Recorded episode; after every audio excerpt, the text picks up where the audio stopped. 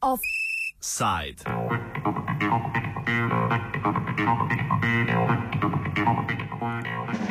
Makedonsko-kosovsko gospodarsko repenčenje.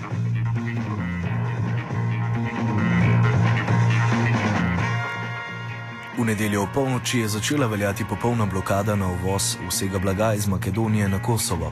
Odločitev so po navedbah podpredsednice kosovske vlade in ministrice za trgovino Mimoze Kusar Lilje oblasti v Prištini sprejele kot odgovor na sobotno uvedbo vstopnih taks, ki jih je makedonska vlada sprejela za državljane, prevoznike in gospodarstvenike z Kosova.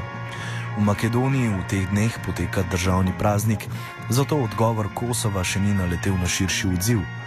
Govorili smo s profesorjem političnih znanosti Zdravkom Saveskim, katerega odločitev kosovske vlade ne preseneča preveč. Svaka zemlja, štiti svoje proizvodstvo i uh, totalna slobodna trgovina je nemoguća i nije zdrava za, za, za svaku zemlju. Uh, tako da iz makedonske, makedonskog gledišta to Ние добро да што е косовска влада увела ембарго, али треба имати разумевање jer е македонска влада исто тако вовела а, вовела неке мере кои штите македонско македонско економију. Оно што а, можда оно што е требало а, бити е да косовска страна мало више преговара со македонска страна да најду заедничко решение како као што су разговарали македонска и српска влада и су нашли неку неко решение Така да тоа е оно што примарно треба треба забележити косовска страна, али штитење, штитење, протекција националног, национална економија е нешто што свака влада треба урадити, наравно да при томе не оштети другу страну, али то дефинитивно важи како за косовску страну, тако и за македонску страну.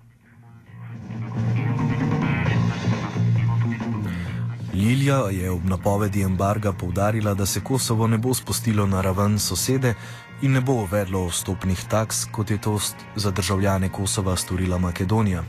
Tako je potrebno od sobote za vstop iz Kosova v Makedonijo odšteti 20 evrov za avtobus oziroma kamion, 5 evrov za avtomobil in 2 evra za vsako osebo.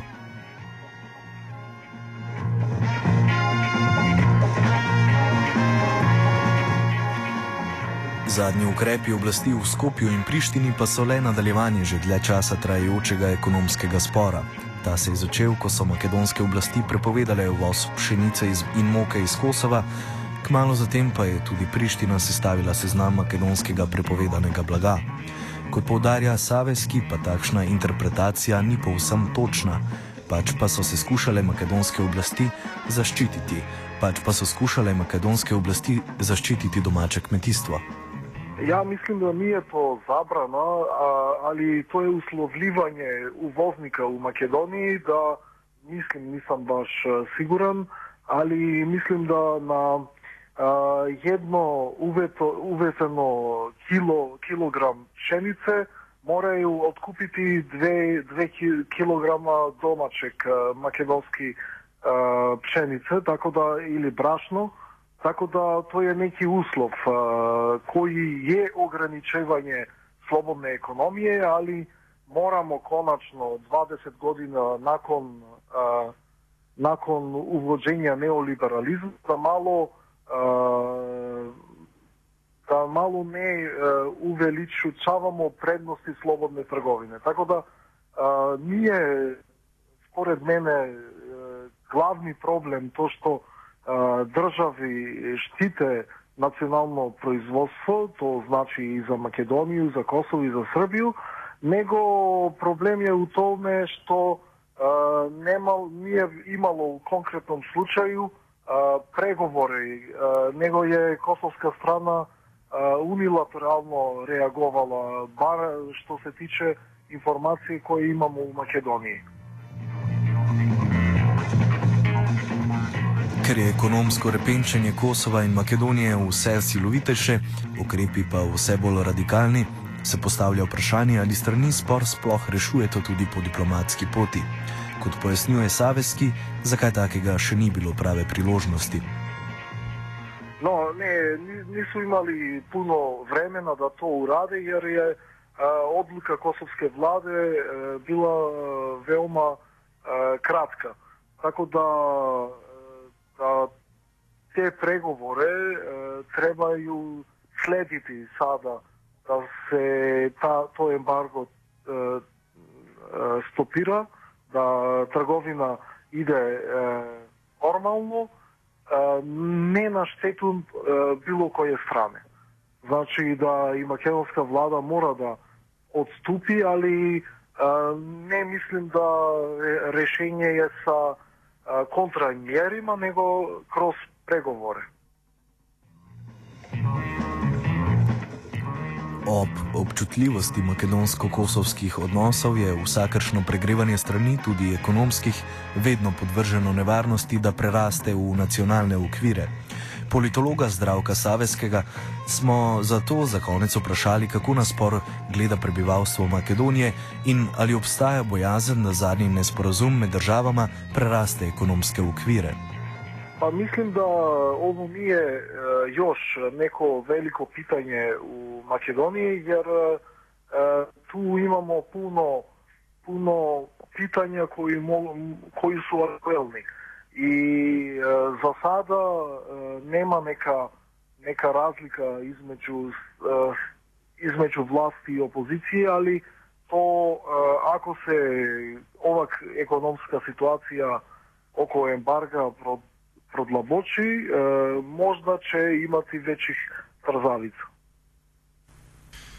Може само што како гледаат луѓе на тоа питање или дали постои неки страх да би bi to sasvim ekonomsko pitanje preraslo u neko nacionalno pitanje koje je na tom području sasvim osjetljivo između Albanaca i Makedonije. Za sada nema prelevanja problema na političkom planu.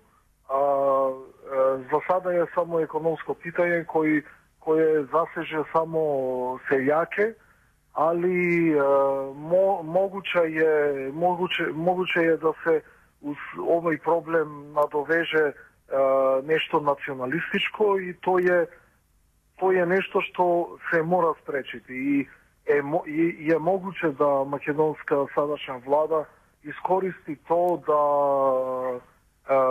да поттикне национализам на кроз ово питање што ние ние начин на кој се треба решити проблем јер ако се ова ситуација са мерке и контрамерке косовске и македонске владе продужи, онда ќе губити косовски и македонски народ. Они ќе, ќе, ќе, бит, ќе бити губитници. Офсайт je pripravil Nate Smarcen. Off. Off. Side.